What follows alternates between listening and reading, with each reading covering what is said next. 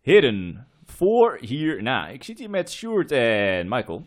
En Omar. Wederom is Omar in de building. En eh heren, verkiezingstijd. Er is veel gebeurd afgelopen week. Laten we beginnen met een kleine verkiezingsanalyse. Ja, want als we kijken naar het gemiddelde van de peilingen, dan staan de coalitiepartijen bij elkaar opgeteld nu op ehm, 74 zetels. Dus net niet een meerderheid. Hmm. Eh, ehm, we weten natuurlijk nog niet of dat een meerderheid gaat worden, uiteindelijk of niet.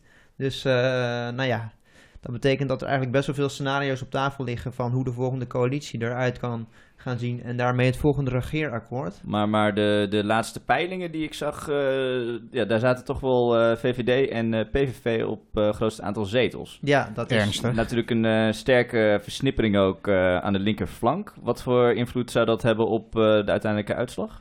Nou, ik heb eh, de. eh, het belangrijkste voor de uitslag is denk ik niet per se de algehele verdeling van, eh, van de Kamer, maar meer de coalitie die gevormd kan worden. Ja. En dat is sowieso inclusief eh, VVD, CDA, daar kunnen we wel van uitgaan. Ja, dat zijn toch ook ideologische verwanten? Die Ja. liggen in ieder geval dicht bij elkaar. Ja, en aan de hand daarvan ehm, kunnen we wel al zien ehm, nou ja, wat er, hoe, hoe het er waarschijnlijk ongeveer uit gaat zien. Eh, want ik heb dus een aantal onderwerpen gepakt ehm, op basis van nou ja, de verdeling in de, kamer, eh, in de Tweede Kamer met de, eh, per onderwerp wat de partijen ervan vinden. Dus bijvoorbeeld, als je kijkt naar de peilingen nu, dan halen partijen die tegen het zorgfonds zijn waarschijnlijk eh 100 zetels. En partijen die voor zijn 30 zetels. En geen van beide eh 20 zetels. Dat is de PVV. Die zit een beetje met een tussenantwoord.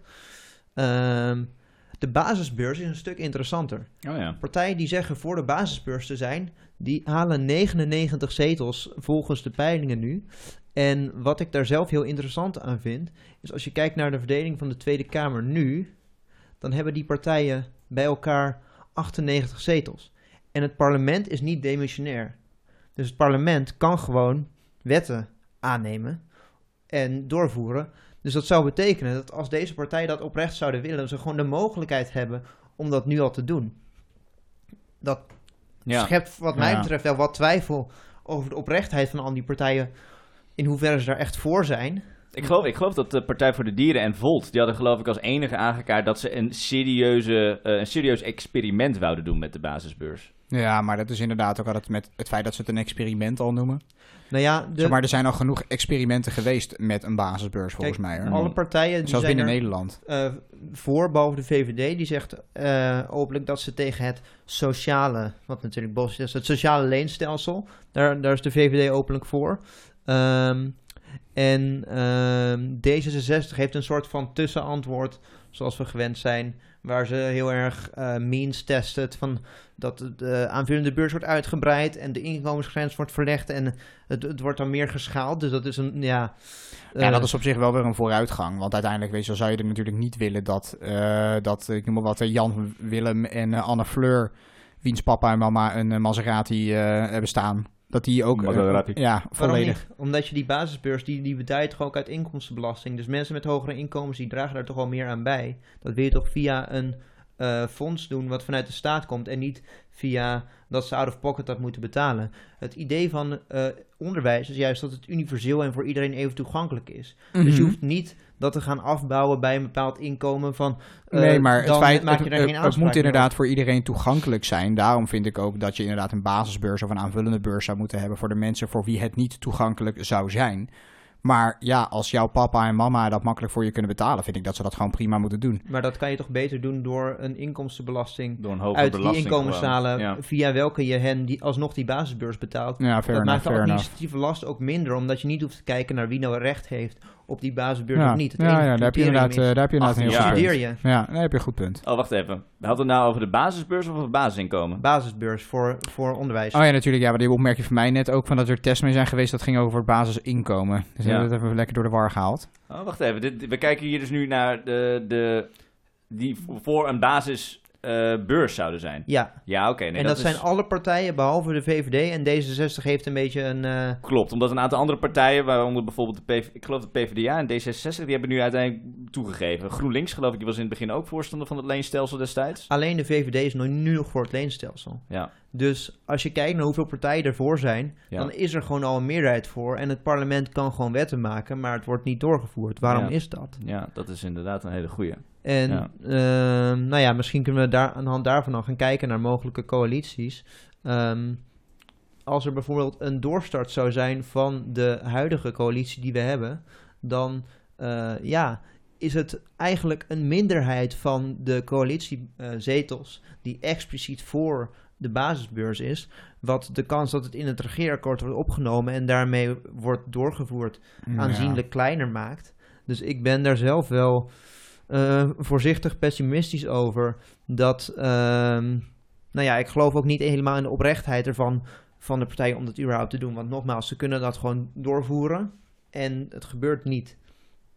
Is, is er niet een soort van eh, bepaalde norm dat ze gewoon zulke ingrijpende ehm, eh, beleidswijzigingen niet, gaan, niet door het parlement gaan jassen in het geval van een demissionair kabinet? Dat is toch sowieso een beetje de norm, dat ze niet dit soort Nee, want ingrijpende... Het kabinet is demissionair, maar het parlement niet. Het parlement is pas op 17 maart demissionair. Ja. Ja, en ze kunnen altijd wetsvoorstellen indienen.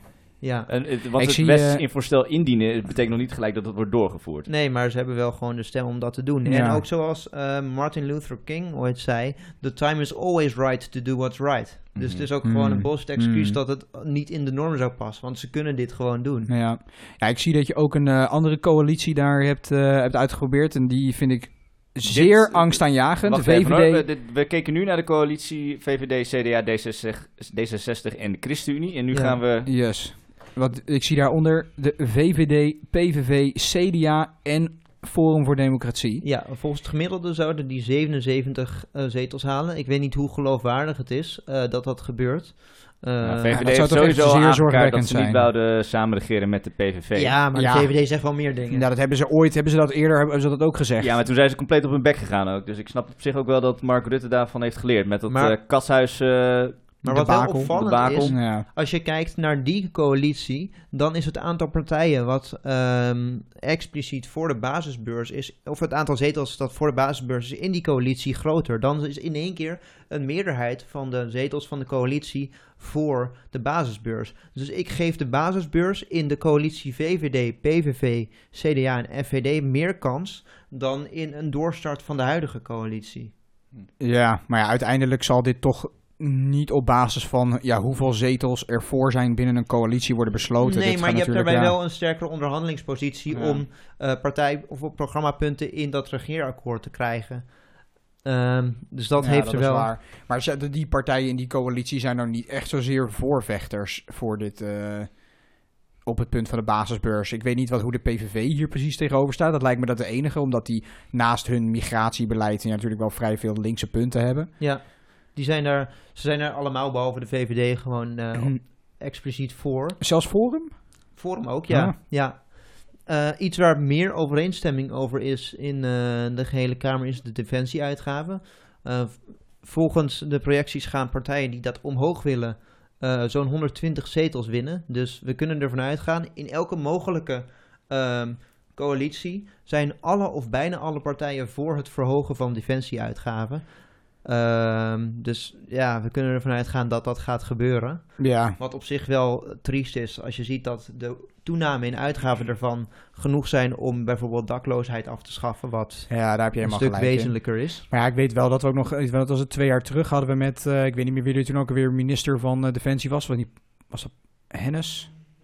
Dat, eh, dat het korps mariniers toen hun eigen eh, equipment moest kopen om ergens op een oefening te gaan, omdat daar gewoon geen budget en geld voor was. Ja, maar dat komt En ook heb omdat het leger ja. op te veel plekken is opgesteld. Zeg maar, Nederland heeft niks te zoeken in Nee, maar het korps, nee, maar het korps, marinier, korps mariniers, dat is toch wel onze elite unit eigenlijk. Ja, maar omdat de middelen zo dun zijn verspreid, is het niet toereikend. Alleen als je Nederlandse schepen niet de Perzische Golf gaat laten patrouilleren, wat nu wel gebeurt, dan ehm, zou je een, ja, makkelijker genoeg hebben aan de Ja. middelen die er nu zijn. Maar dat doen we natuurlijk ook als onderdeel van het bondgenootschap. Ja, en dat is ook een ander probleem wat eh, opgelost moet worden wat dat betreft. Man, daar zijn de meningen over verdeeld. Eh, Zelfs, zelfs binnen voor hierna. Ja. Maar jongens, laten we verder gaan. Wat, wat, Ja. wat hebben we nog meer? het, over het legaliseren van drugs is eh, Ah. volgens mij nu een eh, historisch eh, hoog, ik weet niet of het historisch is, maar een behoorlijk hoog percentage wat er in een of andere vorm eh, voor is. Eh, 36 zetels, even kijken waar dat ook alweer door kwam. Ehm, die, CDA, die is best wel... eh, die zit een beetje op dat flank, geloof ik. CDA die zeggen- zit op tegen. Ja. Maar het, geen van beide komt vandaan bij, oh ja, de VVD als enige partij die zit daarmee Ja, in die het zijn midden. neutraal, die willen daar niets over zeggen. Dat is aan de maatschappij. Ja, maar dat, Ja. gaat, dat gaan ze uiteindelijk denk ik niet doen, ben ik bang. Nee, hun achterban is daar toch veel te... Nou, ik weet niet. Ik heb het gevoel dat ze daar toch wel vaak wat eh, met de vrije liberale geest die eh, overheerst bij eh, Hollanders over het algemeen, heb ik het gevoel dat VVD daar toch wel ergens gevoelig voor is. Dat als er Nou. genoeg sociale druk komt. nou, Nou, ik denk dat zeg maar, nee, want de VVD probeert zich natuurlijk ook te profileren als de partij van law and order, zeg maar. En dat staat vaak tegenover, zeg maar, ja, dingen als het legaliseren van drugs. nou ja, daar worden wel behoorlijk domme uitspraken over gedaan door bijvoorbeeld de PVV, een van de partijen die er tegen is. Die zeggen het legaliseren van drugs leidt niet tot een vermindering van criminaliteit. Punt. Verder geen context. Dat Terwijl, is sowieso belachelijk. als je minder Sowieso dingen bullshit. verboden maakt, is er per definitie minder criminaliteit. Ja. Dat lijkt mij een open deur. En zoals van, hé, hey, je, verkoopt, eh, je verkoopt MDMA. Ja, dat is illegaal. MDMA is legaal nu. Ik verkoop het, dus er is inderdaad geen criminaliteit. Plus, als je ergens een dispuut over hebt tussen weet ik veel, Ja. een verkoper en een leverancier, Dan, dan, kan je, dat gewoon precies. in de rechtszaal oplossen. En dan hoef je niet elkaars hoofd eruit te knallen. Precies. Ja. Dus oké, dat eh, zou, ehm, nou ja, misschien zien we daar wat verschuiving op. Ik verwacht van niet, maar eh, en Nee. tenslotte ehm, het bijbouwen van sociale huurwoning. Dit is echt een heel close ehm, onderwerp. Als je kijkt naar de eh, voorkant en de tegenkant, 71 tegen 76. ja. Dus ehm, hier is zeker nog wel wat ruimte Ja. voor, ehm, nou ja, eventuele verschuivingen. Maar ik moet wel zeggen dat ik de kans dat hier iets mee gebeurt best wel klein acht. Want ehm, VVD, CDA en D66 zijn alle drie tegen. Dus dat betekent dat in bijna, of eigenlijk elke hypothetische coalitie, het grootste deel van de coalitiepartijen tegen is. Dus de kans dat het dan in een regeerakkoord komt, is best wel klein. Want wat is precies hier het standpunt? Dat eh, de eh, verwoording van het standpunt was dat minstens 40% van nieuwbouwwijken uit sociale huurwoningen zou moeten bestaan. En ehm, VVD, D66 en CDA zijn tegen. Forum is volgens mij ook tegen. En Ja21 is ook tegen. Dus dan heb je bij elkaar, eh, ja, volgens mij die eh, 76 zetels. Hm.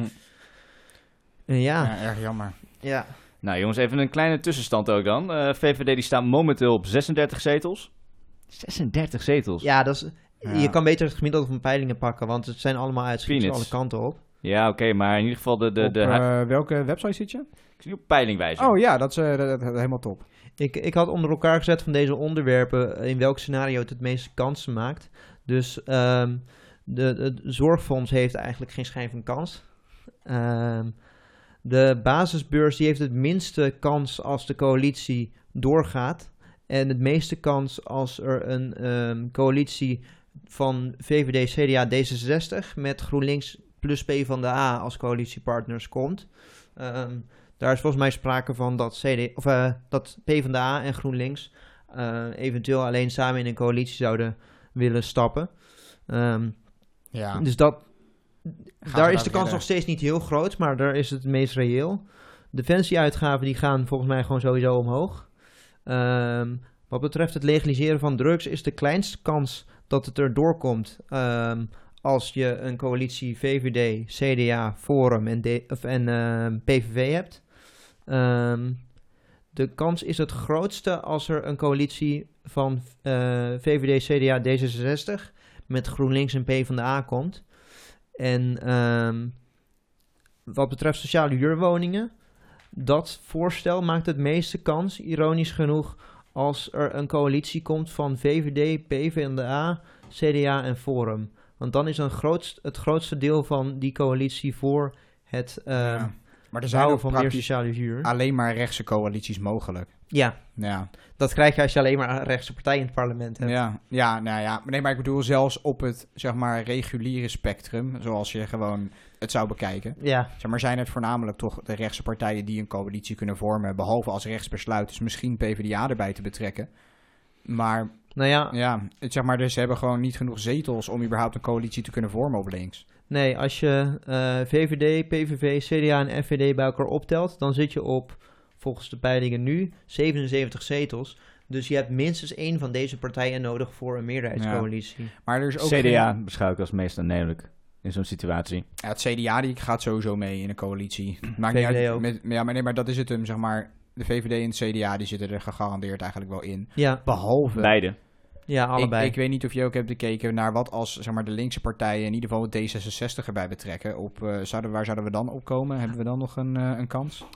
Nou, je hebt altijd een van de vier partijen, VVD, PVV, CDA en FVD nodig, omdat die vier partijen 77 zetels hebben volgens de peilingen. Dus als je één van die partijen niet mee hebt, dan eh, kom je sowieso maximaal tot 73 zetels. Ja, dus dan zou het CDA met links moeten regeren. Dat gaan Ja, ze dat gaat niet gebeuren. doen. Gaat dat Nee. niet gebeuren? Nee, ik Waarom zou zouden ze dat doen? Veel, nee, maar die zijn de afgelopen Ze kunnen paar toch jaar... veel makkelijker met de VVD regeren? Ja. Daar zijn ze het gewoon over alles mee eens. Ja. Ja, dat is waar. En ze zijn sowieso meer naar rechts getrokken de afgelopen paar jaar. Sinds de opkomst inderdaad eerst van de PVV en daarna Forum. Hebben ze ook gewoon ja, de keuze gemaakt om meer zich naar rechts te bewegen in plaats van links. Daar had Buma, die had ook echt veel van dat soort uitspraken. Als je zoiets had van ja, Nou ja, oké, oké, oké, oké. dat gaat niet gebeuren. Nee. Nou ja, ik eh, ben zeer benieuwd wat er gaat, eh, wat er gaat komen de komende, komende week. Het is volgende week al dat we gaan stemmen. Ja, ik zie, ik zie het meeste kans voor vooruitgang op het gebied van eh, het legaliseren van drugs, omdat dat voor eh, machthebbers niet super veel uitmaakt. Ik bedoel, het is leuk voor ondernemers, want dan kan je, kan je meer koffieshopjes opzetten en zo, op een plantagetje. Ja, maar Daar- dat wordt daar- ook allemaal nog geregeld op gemeentelijk niveau. Dus eigenlijk Mhm. zeggen ze daar nog steeds vrij weinig over. Ja, maar de kans dat daar iets op verandert is denk ik het grootste, omdat daar vanuit ehm, grote geldbelangen het minste weerstand tegen is. Van de punten die we net hebben bekeken. Ja. ja, misschien dat ze ook hebben gekeken naar de VS, waar, eh, hoe heette die ook alweer, eh Boehner, die zes jaar geleden of zo, eh, wat was die ook alweer? Bener. Die was echt fel tegen, tegen eh, marijuana en allemaal dat soort dingen. En toen hebben ze het gelegaliseerd en nu is hij de grootste aandeelhouder van de... eh, Echt? Ja, ja, ja, van... Want wie was Ja. nog maar? Dat was een republikein. ja, hoe heet ook weer, welke functie? Dat zou ik, hij was Speaker of, of the House? Speaker of the House, geloof ik. Ja, ja, hij was Speaker of the House inderdaad, voor Paul Ryan.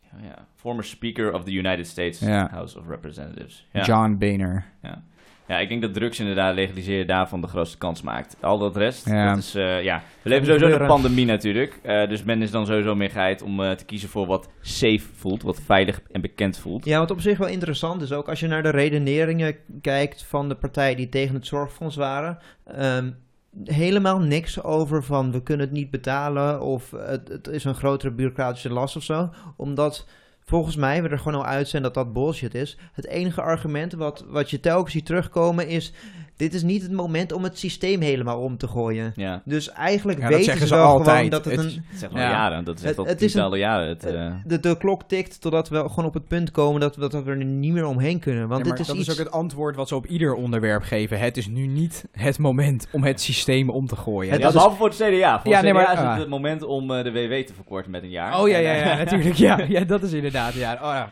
Maar het is niet het moment Ja. om... eh, eh, goede verbetering te realiseren. Wel slechte. het is niet Ja. het moment om te doen wat letterlijk elk ander West-Europees land doet en een beter zorgsysteem heeft dan wij. Daar is het niet het moment voor. Nee, maar wel nee. het moment om eh, mensen minder te geld te geven. Misschien kunnen we het wel even hebben na de, na de pandemie, inderdaad. Dat lijkt me een Ja. eh, beter moment. La- Heren, we gaan over naar de actualiteiten.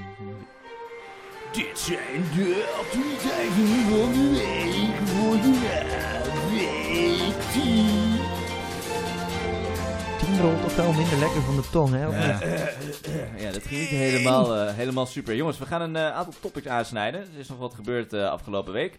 Allereerst gaan we het even hebben over Baudet. Die is weggelopen bij Jinek. Daarna hebben we een kwalijke update over de verkiezingen in Ecuador. En als laatst AstraZeneca, het vaccin, is gestopt in de EU. Ik geloof dat ook nog Nou, een niet, aantal- niet, ja. in de, niet in de gehele EU. Nee, maar nee, eh, nee, er komen er zo landen, wat- en zelfs buiten de EU ook. eh, Ja, hebben ze niet Congo, van, eh, die dacht ook van... eh Fuck deze shit. Fuck Ja. this shit, I'm Eh, out! eh, komen, we zo, eh, komen zo op terug. Nee, jongens, Maar allereerst... mis- eh, kunnen, hebben we niet ook nog een, eh, een leuke clip of zo die we van, eh, van dat Baudet is weggelopen dan? Of hebben we dat... eh, En dan voel je als antisemitische kiezer toch behoorlijk in je bruine hemd gezet. Maar als ik racist was, zou ik denk ik ook niet op u stemmen. U zegt wel braaf dat Europa wit moet worden en zo. Ook wel dat uw vriendin Joods is. Hè, zometeen wordt u vader van Menachem of Sarah Baudet. En dan voel je als antisemitische kiezer toch behoorlijk in je bruine hemd gezet. Maar als ik racist was, zou ik denk ik ook niet op u stemmen. U zegt wel braaf dat Europa wit moet worden en zo. Maar u bent zelf natuurlijk behoorlijk homeopathisch verdund met allerlei Indonesisch DNA. Racisten hebben misschien een mankement aan hun hersens, maar met hun ogen is niks mis. Kijk, stemmen ze u aan de macht, wordt iedereen met een zwarte kleur eruit gegooid. Maar dan krijgen we ineens heel veel Aziaten hier. En dan belanden we van de, van de regen in de Ajas. Ga jij een Thierry? Dit is eigenlijk wat er altijd gebeurt. Maar u roept steeds dat de peilingen niet kloppen en wie weet. U staat nu op drie zetels, maar misschien wordt het uiteindelijk wel vier Die wil niet meer. of twee Wat gebeurde hier nou? of één. Oké, nou, er was dus nog een, een eh, versie waarbij ehm, hij het ook heeft, niet alleen maar op, over zijn Indonesische achtergrond, maar bijvoorbeeld ook over zijn Joodse vriendin. Correlatie er ook met ehm, de bruin, hoe noem je dat? Bruinhemden Ja. van destijds. Ja. Nou ja, ik ben benieuwd hoe jullie hier tegenaan kijken.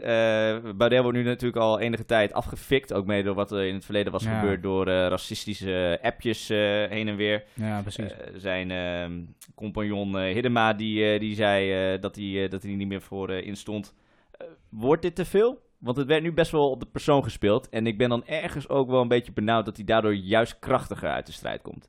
nou, Ik denk niet dat hij genoeg zuurstof krijgt binnen het politieke landschap van Nederland om er echt heel veel mee te kunnen. Maar ik denk dat dit soort eh, het demoniseren van juist dit soort mensen krachtig maakt. Dat zagen we ook Ik bijvoorbeeld bij een niet. Trump. Weet je, de hele niet, nee. establishment die ging tegen hem, de hele media die ging tegen hem. Eh, we hebben niet genoeg mensen, zou ik zeggen, om, ja, voor Baudet om echt op een soort van groter platform te staan. Nee, maar je kan ik. ook Maar- mensen als Baudet alleen maar, denk ik, door dit soort dingen aanpakken. Want het gaat er uiteindelijk niet om. Weet je, of als stel je voor dat er iemand die heel, heel, zeg maar, ik noem wat grijs is, die met logica en feiten rustig probeert uit te leggen waarom Nee, maar Baudet het het fout heeft. Tuurlijk, ben ik helemaal Dan met je eens. je, moet hem, je moet hem sowieso aanpakken, maar Ja. zeg maar het zo persoonlijk maken over zijn jawel, vriendin het hebben. persoonlijk over zijn eigen hypocrisie. Want dat is het, daar komt het uiteindelijk op neer. Maar deze gast Nou ja. zit hier allemaal, weet ik veel wat, voor, voor, voor ja, racistische shit te verdedigen. Of dat er inderdaad allemaal, weet ik wat, voor een neonazi en nazi dingen in van die forum WhatsApp groepen worden gegooid. Mm. Terwijl zijn vriendin dan Joods is. En daar wil hij dan geen afstand van nemen. Dat zegt niet tegen mij van, oh oké, Baudet kan dit zeggen, want of hier zeg maar afstand van nemen, want zijn vriendin is Joods, dus dat praat het dan goed. Nee, dat betekent dat Baudet niet genoeg om zijn vriendin geeft, dat hij hier überhaupt iets over Nou, zegt. nou ja, ik dat snap kan je je dus punt niet wel, zeggen, want je zegt want- dus eigenlijk, nee, maar dat, dat, dat vind ik op zich wel een goed punt, want wat je eigenlijk zegt is, op het moment dat jij dat gaat gebruiken als argument, als verdediging, Ja. van daarom kan ik het zeggen, eh, eh, alle ik kan zeggen dat alle zwarte het eh, eh, land uit moeten, want ik heb een aantal zwarte vrienden bij wijze van. ja, weet je, dat is onzin. Mhm, ja. Ja, dat is gewoon proberen jezelf in te dekken. En, maar Dus gewoon je zegt eigenlijk, verantwoordelijkheid maar dat is daarom, niet daarom het mag het wel, daarom Ja, mag dit wel. ja, maar dat is wel een andere situatie, want het is niet zo dat, zeg maar, ik snap ergens wel als een redenering vanuit Baudet is van, eh, het is te belachelijk dat ik überhaupt zou moeten uitspreken dat ik hier afstand van neem. Net als wanneer Mhm. er een islamitische terreuraanslag slag is, dat er dan aan alle moslims wordt gevraagd van, neem hier afstand van. Nee, dan dat hebben is zij niet ook te- zoiets dat van, is niet te vergelijken. nou ja, ergens wel. Nee, hij is partijleider. het- het hij is gaat- de leider nee, maar, van de nee, partij maar laat me even een punt afmaken. Het gaat om het gevoel vanuit hem dat hij dan, ik, ik weet niet of dat de overweging is, maar dat zou kunnen, van dat hij het een te absurde aantijging vindt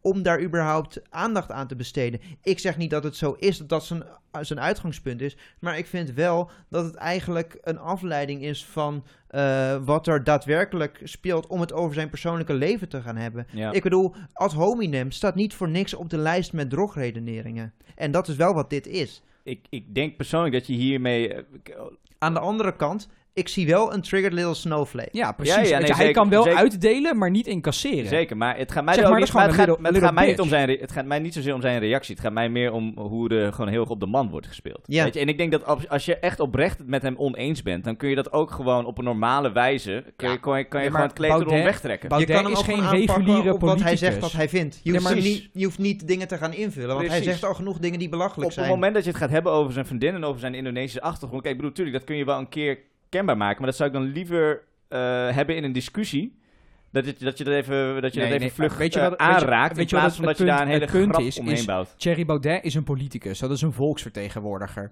Hij heeft de leiding over zijn partij, dus daar is hij uiteindelijk ook dan eindverantwoordelijk voor. En hij, moet daar, de, hij heeft de touwtjes in handen en zou moeten zeggen wat er wel en niet gebeurt. Hij is dan ook zeg maar verantwoordelijk voor om zijn partijleden te straffen op het moment dat ze iets doen wat natuurlijk te absurd is voor woorden, zoals hij dat zelf ook al aangeeft. Dat hij zich dat, dat alsof hij daar zou achter zou staan. Nou, als dat niet zo is, nou pak je partij dan inderdaad aan. Maar wat hij dan wel doet, is hij kan allerlei mensen voor weet ik veel wat allemaal uitmaken. Eerst had hij ook iets over dat vriendinnen van hem toen door Marokkanen waren lastiggevallen in een trein. Hmm. Terwijl dat gewoon conducteurs waren. Ja. Maar dan is er een komiek, iemand die geen serieuze functie heeft, die een grap maakt. En dan loopt hij weg like a little bitch. Nou Ja, ik vind dat beide kanten daarin... ehm, ja, eigenlijk... Een volksvertegenwoordiger versus een komiek. Wie heeft er meer verantwoordelijkheid om zich te Ja, gedragen? het gaat niet om verantwoordelijkheid, maar ik vind dat het niet per se de meest tactvolle of juiste manier is om Baudet aan te vallen. En ik vind de reactie Ja, van Baudet ook eh, gewoon zwakzinnig. Ja, Dus ja, ja, helemaal mee eens. ik denk dat we het daarover eens zijn. Vervolgens eh, hebben we een eh, kwalijke update over de verkiezingen in eh, Ecuador. Dat hebben we vorige week, of eh, twee weken geleden even kort besproken. Sjoerd, wat zijn de ontwikkelingen? Ja, ehm, de eh, kandidaat, of nou, er was voor de tweede plaats, dus het systeem daar, het gaat om presidentiële verkiezingen. En er is een eerste ronde waar op alle kandidaten kan worden gestemd. Wie waren de kandidaten? Ehm, de frontrunner is uh, Arauz, die is van een uh, Chavistische politieke partij, die dus um, heel erg inzet op gebruik de rijkdom van de grondstoffen van het land om de economie te ontwikkelen en de bevolking naar voren te, te helpen. Dat is min of meer de Chavistische filosofie in de notendop. Um, dan heb je daarna een um, uh, voormalig bankier die uh, als minister van Economie uh, verantwoordelijk was, of uh, op dat moment verantwoordelijk was toen de economie compleet instortte. En tegelijkertijd zijn er geloofwaardige beschuldigingen dat hij uh, daar enorm veel geld van de staat heeft gestolen en in offshore accounts verborgen. Surprise, surprise. Ja. En dan als derde was een zogenaamd eco-socialistisch kandidaat, Jacob Perez. En um, die, daar had ik, moet ik even een correctie op maken ten opzichte van uh, vorige, vorige aflevering. Um, want dit is wat je denk ik wel met uh, goed geweten een, een infiltrant of iets dergelijks kan noemen. Want hij heeft openlijk hele warme banden, bijvoorbeeld met de US State Department. Hij heeft ideeën als een universeel basisinkomen um, ja, een beetje belachelijk gemaakt door te zeggen... Uh, dat mensen het geld niet nuttig zouden gebruiken, maar gewoon uitgeven aan bier. Maar wat gaat er nu gebeuren dan? Wat is nu de kwalijke ontwikkeling? En wat er nu als ontwikkeling is, het, hij is, is heel nipt niet in de tweede ronde gekomen. En um, wat hij nu probeert, is uh, hij roept het leger op om in te grijpen, om mm. de uitkomst van de eerste ronde ongeldig te verklaren. En om de uh, eerste ronde nog een keer te houden. Maar dan dat Arauz, dus de leidende Chavistische kandidaat, niet mag meedoen. What the fuck? Op basis van een beschuldiging dat hij geld zou hebben Ja. aangenomen van Colombiaanse terroristen. Een specifieke terrorist, overigens, die al was vermoord voordat Arauz überhaupt zijn kandidatuur had aangekondigd. Maar goed, dat terzijde. Dus op basis van ontkrachte complottheorieën theorieën, proberen ze hem uit te sluiten van het electorale proces omdat ze hem in het, het veld van publieke opinie niet kunnen verslaan. Dus, Ja, dat klinkt inderdaad wel echt als een, uh, als een influence operation. Holy crap. Ja. En um, het is in mijn ogen een hele waarschijnlijke uitkomst dat dit in een staatsgreep resulteert, omdat de factoren heel erg vergelijkbaar zijn met Bolivia in 2019. Ja, maar, maar hoeveel macht heeft dan bijvoorbeeld uh, deze ex-bankier op, uh, op het leger? Uh, hoe gevoelig is het leger daarvoor? De bankier is dus niet degene die het leger heeft opgeroepen. Dat is die zogenaamde eco-socialist. Die, oh, wat? Die nu een oproep doet voor een staatsgreep. Die eigenlijk op de derde... Ja. Wat? Hmm. En hij wil daarbij bij de tweede ronde overigens de officials van de, uh, de kiesraad vervangen. Om, vanwege beschuldigingen van hem dat ze pro, uh, pro-Arauz zouden zijn. Ook al um, is de partij van Arauz systematisch tegengewerkt en moest ze een andere partij oprichten omdat zijn partij niet, überhaupt niet mocht meedoen in eerste instantie aan de verkiezingen. Wat insane. Dus nu zit die Arauz ook te nakken eigenlijk door middel van gewoon hier een groot uh, debakel omheen te creëren. Ja, dus als het leger niks doet, dan verwacht ik niet dat er veel Maar daar mogen we van uitgaan, toch? Ik Nou bedoel, ja, Ja, maar hoeveel connecties In- heeft hij met het leger? Zeg maar, dat is eerder de vraag. Nou ja, hij heeft connecties met de State Department van, ehm, van de VS. En de huidige president van het land, Lenin Moreno, is een behoorlijk neoliberale en autoritaire president die heel erg sterk wordt gesteund door de VS. Dus het is niet een geheel ondenkbaar scenario dat het zou gebeuren, mede omdat het in Zuid of in Ja. eh, Bolivia. En dan is er natuurlijk een derde partij tot hier, die hier eh, een oproep voor doet, terwijl het uiteindelijk om Moreno gaat. Zeg maar, het is, dat is de bedoeling. Ja, maar ze werken uiteindelijk voor dezelfde groep, namelijk de Ze US State dezelfde Department. heerser, ja. Ja. Heren, laatste update van de actualiteiten van de week gaat over het AstraZeneca-vaccin. Meerdere landen in de EU en daarbuiten die eh, nou, ja, stappen Ja. hier vanaf, tijdelijk. Ja. Michael, what do we got? Ja, het, eh, het eh, vaccin is inmiddels, AstraZeneca, is opgeschort door, door Denemarken, Noorwegen, IJsland en Ierland. Eh, omdat zij aanwijzingen hebben gezien ehm, dat er ja, trombose plaatsvindt, dus bloedstolsels. Oh ja. eh, in, het, eh, ja. in ouderen ja, die volgens mij ja, vanaf een jaar 40 of zo dat al, die dat dan innemen. Maar ja, zijn zeker weten niet, niet de enige. Want ehm, even kijken. Ja, het Europees Geneesmiddelenbureau, de EMA, die heeft gezegd dat er geen aanwijzingen zijn voor deze, deze bloedproppen. En daarom is er ook nog geen ja, Europese oproep om hiermee te stoppen. Eh, maar zijn het dus echt individuele ja, lidstaten die dit, eh, die dit besluit nemen? En Congo? Eh, Congo schijnbaar ook.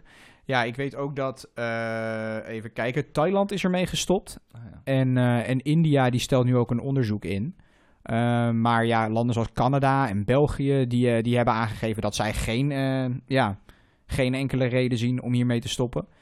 Maar Het heeft natuurlijk ook best wel een impact dit- hè, op het moment dat je Ja. de hele chain gewoon stopzet. eh ja, het is, het is natuurlijk niet alleen dat, maar het heeft nu al gevolgen voor het feit dat ja, minder mensen geneigd zullen zijn zo'n vaccin in te nemen. En Stel je voor dat nou Ja. uiteindelijk blijkt dat, die, dat het niet klopt, dat, dat er geen bloedstolsels worden gevormd door AstraZeneca.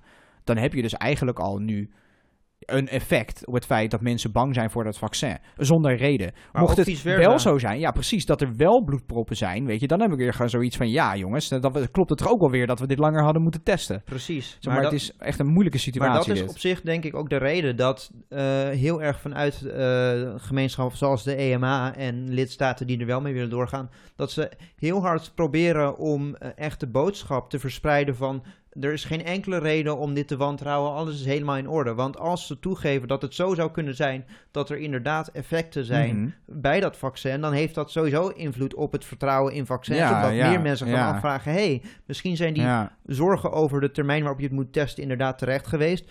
Wat zou het verder nog, wat zouden gevolgen ook andere hebben, ja. vaccins als gevolgen kunnen hebben?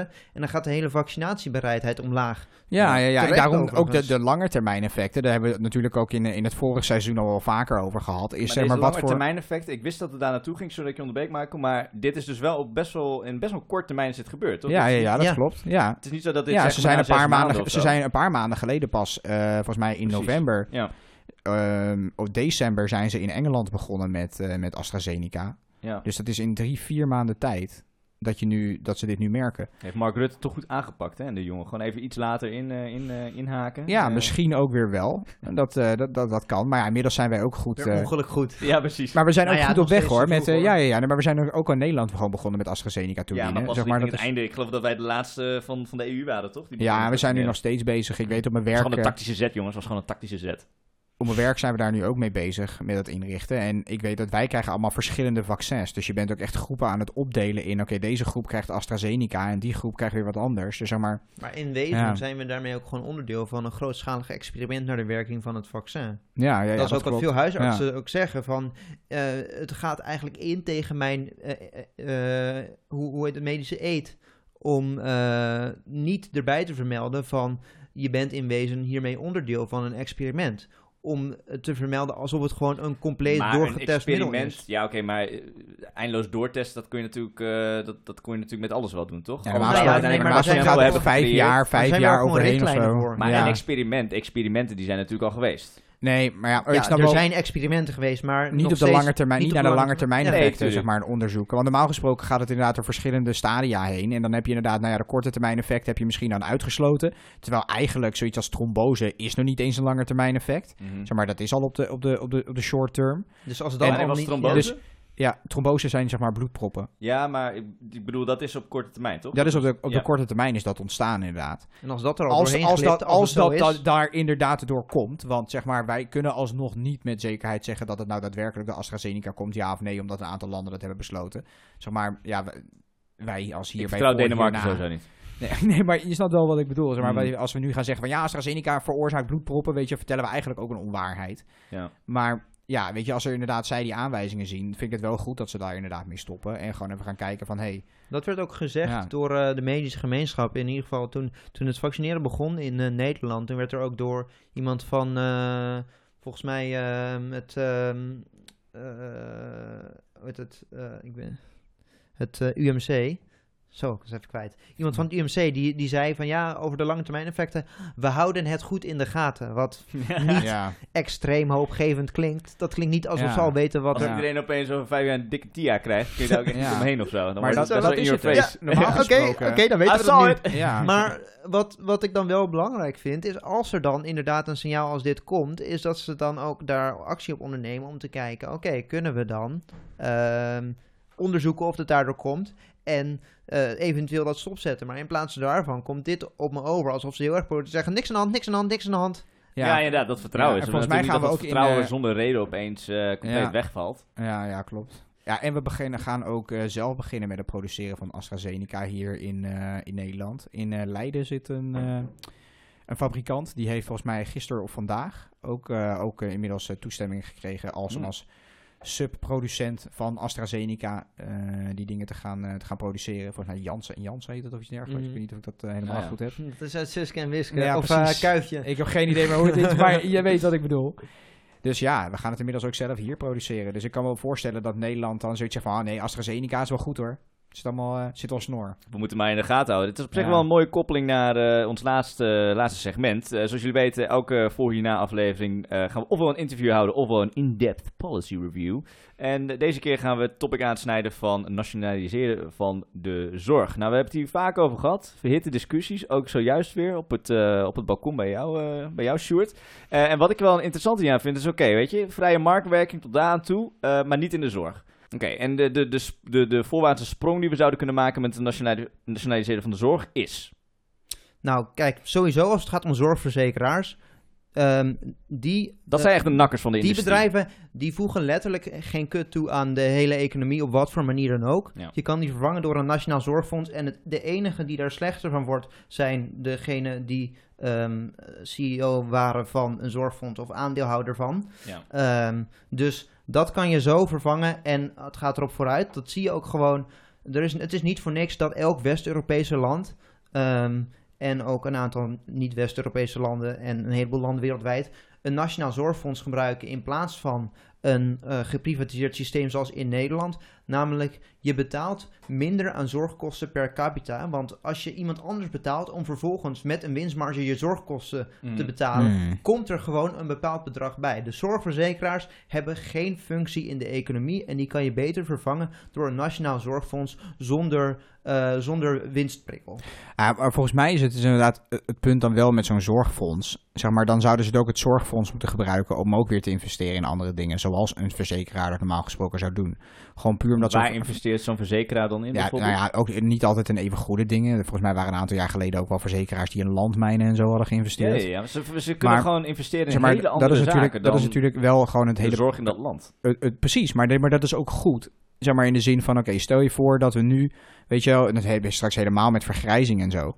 Gewoon, en met die pensioenfondsen is precies hetzelfde verhaal. Op het moment dat jij nu zoveel mensen hebt die dingen afdragen voor een, een verzekeraar of een, zorg, eh, een, een pensioenfonds. En die mensen kunnen dat op een gegeven moment niet meer. Maar ja, die mensen moeten nog wel voorzien worden in zorg.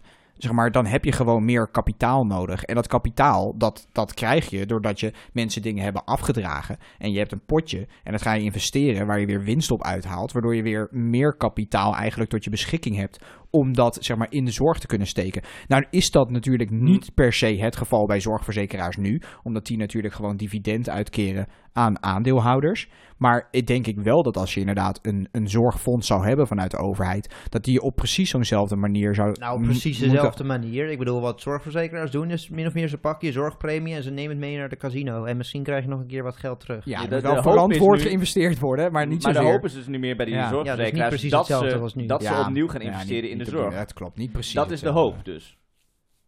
Nou ja, dat, je, dat- je hoopt maar dat ze opnieuw gaan investeren in de idee zorg, is dat ze kunnen ook gaan investeren in wapens, in... eh, het ik idee is dat de premie die je inlegt daardoor meer waard wordt. Maar goed, daarvoor Ja. hoef je niet een, een zorgverzekeraarsysteem te hebben. En het is ook gewoon niet waar dat dat goedkoper wordt. Zeg maar het theoretische argument ik van... oh, erachter te komen van wat is dan precies de reden van die zorgverzekeraars en waarom vinden we dat met z'n allen zo ontzettend waanzinnig normaal? de logica is dus wat, wat Michael ook noemt van de zorgverzekeraar die, ehm, die int die premie en eh, met het kapitaal wat ze daarmee hebben van alle premie die wordt betaald, investeren zij op de aandelenmarkt om daar een percentage winst uit te halen, Ja. zodat de premie in totaal meer waard wordt, zodat je en voor minder geld eh, dan wat er in eerste instantie is ingelegd alle zorgkosten kan dekken en een beetje winstmarge hebt om die incentive te hebben Ja. dat ze met elkaar concurreren. Het probleem is dat het niet zo is. Het probleem is dat het gewoon letterlijk niet zo werkt en dat alle landen waarin dit niet wordt gedaan, zorg goedkoper is per capita. Omdat er gewoon niet een. eh, het, het idee van dat dit zorgt voor ehm, lagere premies door concurrentie. Dat werkt gewoon niet zo uit in de praktijk. Nee. Nou, het is Dus ook, het is ook wel waar dat ik zeg... kan je. de- Nee, maar ja, het klopt wel dat het niet zozeer direct leidt tot lagere premies. Maar ik zie zeg maar de langetermijn strategie erachter wel. Om het feit dat als je zeg maar kijkt straks over gewoon onze hele populatie over 20, 30 jaar. Dan pak ik ook de pensioenfondsen er weer bij.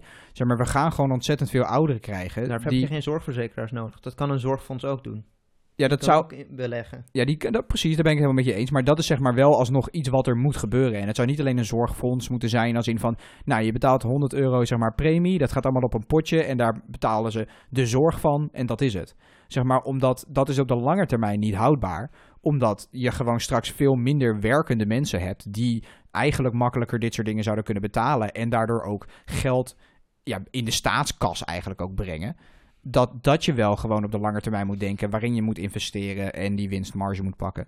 We hebben het niet over de farmaceuten gehad, over de rol van farmaceuten in, Ah, ja, in en deze dat is wel belangrijk. Wat wel belangrijk is op. om te noemen, ehm, een, heleboel ja, een heleboel innovaties. Want dat wordt genoemd, van, eh, daarom is marktwerking tussen Mhm. farmaceuten belangrijk voor innovatie.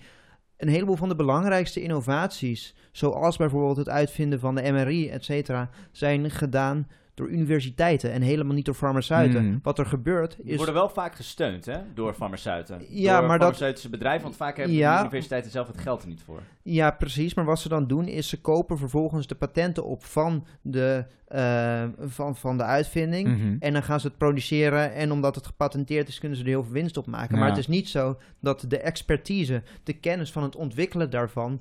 Via farmaceuten moeten gaan. Want daar gebeurt het kennisgedeelte niet. Nee, dat dat gebeurt klopt. in universiteiten. Dus als ze Datzelfde geldt voor de, de, staat, vaccins. Dus als ze gefinancierd zouden worden door de staat, verandert eigenlijk weinig aan de, de, de, de innoverende... Nou, ja, de farmaceut is de, de financierder en de producent. aan de andere Ja. kant ben ik het met je eens, maar eh, Tot- want, dan zouden ze alleen maar de rol innemen van, een, van, van, de, van de supplier, van de leverancier eigenlijk gewoon. ja, maar uiteindelijk zeg maar dat is weer Ja. zeg maar waar altijd het argument van marktwerking in voorkomt, is dat je zeg maar eerder merkt van waar er is er behoefte aan in de markt. En nou ja, dan zou ik niet natuurlijk de vergelijking moeten treffen met de Sovjet-Unie, want ja, dat is natuurlijk gewoon wel weer een tijd geleden. Maar ja, wat je daar dan gewoon ziet, is that dat rabbit hole. Nee, maar uiteindelijk met, met echt zo'n centraal geleide economie, en dan, dan is dat dus helemaal het uiterste. Weet je, dan heb je gewoon minder zicht op van ja, waar is er nu daadwerkelijk behoefte aan? En weet je, dat is gewoon een Ja, kwestie van ja, goed. Hoe ga je dat dan managen? nou ja, niet maar door het ik- aan farmaceuten te vragen, nee, nee. maar door het aan ziekenhuizen te vragen. Er is ook wel gewoon een reden waarom farmaceuten op bepaalde manieren te werk te gaan, waardoor ze inderdaad alleen maar winst willen maken en niet daadwerkelijk stappen willen zetten om bepaalde ziektes zeg maar op te lossen of iets dergelijks. Ja. En dan neem ik even als voorbeeld, zeg maar, Dat ik heb zelf diabetes. Ja, ja neem nou, dat is iets als diabetes. Ze hebben geen enkele incentive om dat te genezen. Ja. Zeg maar, hun incentive is om zoveel mogelijk medicijnen te verkopen aan mensen die dat dan hebben. Mm. Ja. Want dat kunnen ze continu hun hele leven lang blijven doen. Ja. Weet je, dat kost 100 euro, Nou, mensen 200... afhankelijk, Ja. Ja, precies. En weet je, gewoon, ze kunnen continu mensen met zo'n, met zo'n, die dat nodig hebben, blijven melken. En met inderdaad een, eh, eh, maar een zorgfonds of een overheid die hier ja, zou in zou investeren. Die heeft natuurlijk veel meer belang erbij dan dat het uiteindelijk wel wordt. Ja. ehm, Mm. ja, de vraag wat er nodig is, kan je wat Ja. mij betreft veel beter neerleggen bij eh, zorgverleners zelf, bij medische experts die eh, eh, de, het daadwerkelijk zor- zorgverlenen doen, dan aan de CEO van een farmaceutisch bedrijf. Mhm. Ja, ja, Ja, we gaan nu ook niet naar de farmaceut stappen en zeggen... hé hey jongens, we gaan nu gewoon naar RVM. We Ja, gaan eh, luisteren naar Jaap om de drie dagen. Onze beste Jaap, weet je? We gaan nu ook niet informatie inwinnen van, eh, weet ik veel, noemen ze Nee, eh, maar, maar hij zal wel informatie inwinnen, ook gewoon bij dat soort spelers. Want dat is wel hoe het werkt in Nederland Nou ja, poldermodel. tuurlijk, maar die zou die moeten inwinnen bij, bij ziekenhuizen en dergelijke. Wat Ja, maar die zullen overal maar de- die zullen dat ook doen. Zeg maar, dat is wel dat het hele Nederlandse poldermodel. Zeg maar, uiteindelijk zit ja, bijna iedereen wel aan tafel. Maar dat, dat, ja, daar zitten dus ook de Ja. farmaceuten bij. Ten tijde van de pandemie snap ik het ook wel heel goed. Ehm, maar eh, ja, de macht van farmaceuten in, eh, over het algemeen, dat is nu te heftig. Zou dat compleet eh, weggeschopt worden in het geval van een eh, nationaal zorgfonds? Nou ja, een zorgfonds vervangt niet farmaceuten, maar Nee, zorgverzekeraars. maar de, de, de Ja. macht, de... de, de, de Ja, ik, denk dat dat, ik denk dat dat ondenkbaar is. Je zou het wel daarnaast zeg maar, iets vanuit de overheid kunnen opzetten... wat dan een soort van ja, staatsfarmaceut is. Maar je zou geen farmaceuten kunnen gaan nationaliseren, denk ik. Kijk, dan. het, nou ja, nee, nee, nee, het, maar ik bedoel meer van ben de macht van die farmaceuten. Hè? het, Dus- het dus argument... ehm, nu dealen ze geloof ik vaak met lokale ziekenhuizen, terwijl op dat moment hebben ze eigenlijk alleen maar te dealen met de staat. Ja, maar ze- ja, dan heb je dus niet verdeel Ah. en heers tussen alle zorgverzekeraars met wie ze individueel over prijzen onderhandelen. Ja, ze, hebben, ze Dus dealen dat veel meer met zorgverzekeraars. Ja, ja ik, heb, eh, ik heb nu dan sinds eh, laatst voor mijn diabetes heb ik zo'n sensor in mijn arm zitten. Mhm. En die krijg ik eens in de zoveel maanden krijg ik, dat, eh, krijg ik dat thuis gestuurd. Maar die dingen gaan ook wel eens kapot. Dus ik bel op naar het, eh, het bedrijf wat die dingen levert. En ik zeg, hey, weet je, twee van deze sensoren zijn kapot. Ehm, kunnen jullie mij nieuwe toesturen? Want anders kan ik straks zeg maar niet meer mijn bloedwaarde I don't meten. want to die. En dan zeggen ze, nee, die mag ik niet naar je opsturen. En ik zeg, ja, waarom mag je dat niet naar me opsturen? Ja, we hebben een afspraak met je zorgverzekeraar, omdat die dingen, of nee, ja, met je zorgverzekeraar, eh, omdat deze dingen 14 dagen lang mee moeten gaan, hebben ze precies uitgerekend hoeveel jij er nodig hebt. En dat is het enige wat wij jou mogen toesturen. En als jij het, eh, als jij een vervangend ding wil hebben, zou je nog, moest ik nog met twee producenten verderop bellen. Die me dan gaan checken of ik wel daadwerkelijk de waarheid spreek. En als het drie maanden terug was of zo, dan sturen ze me helemaal geen vervangend ding meer op. Maar uiteindelijk zijn het de zorgverzekeraars die bepalen of wanneer ik wel of geen meetapparaat krijg. Dat is echt fucking absurd. Ja, Het, het argument ook tegen dat, dat centraal plannen, dat dat niet de juiste manier is om het aan te pakken. Farmaceuten zijn ook centrale planners. Je Hmm. moet juist het, het plannen van eh, waar je gaat ontwikkelen bottom-up gaat doen. En dat niet vanuit een autoriteit uit de staat en niet vanuit een autoriteit uit de farmaceut doen. Dat moet vanuit eh, het, de field of expertise zelf komen. Dat moet vanuit de zorgverleners komen. Dus ja. wat dat betreft vind ik eh, centraal plannen en eh, geprivatiseerde farmaceuten twee manieren om ongeveer hetzelfde te zeggen. Hm. Fair enough. Heren, om mee af te sluiten, volgende week verkiezingen. Wie gaat er met de kroon vandoor? Dat is een beetje een open deur, hè? Ja, vrees de VVD inderdaad. Het wordt de. VVD. Ja. VVD met...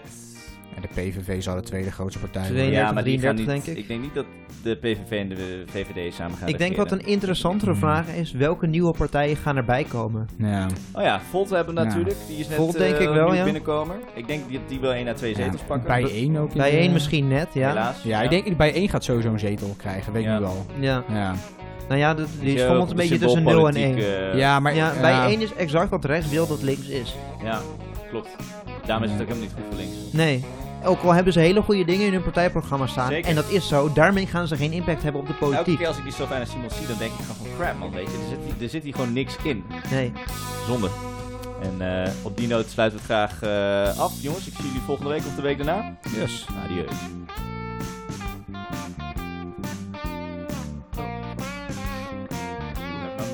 Ja, cancel the entire recording. Eh, ik vond dit een lekkere episode. Ik vind het ook prima dat hij wat langer is. Want we kunnen hier gewoon een soort van verkiezingsspecial van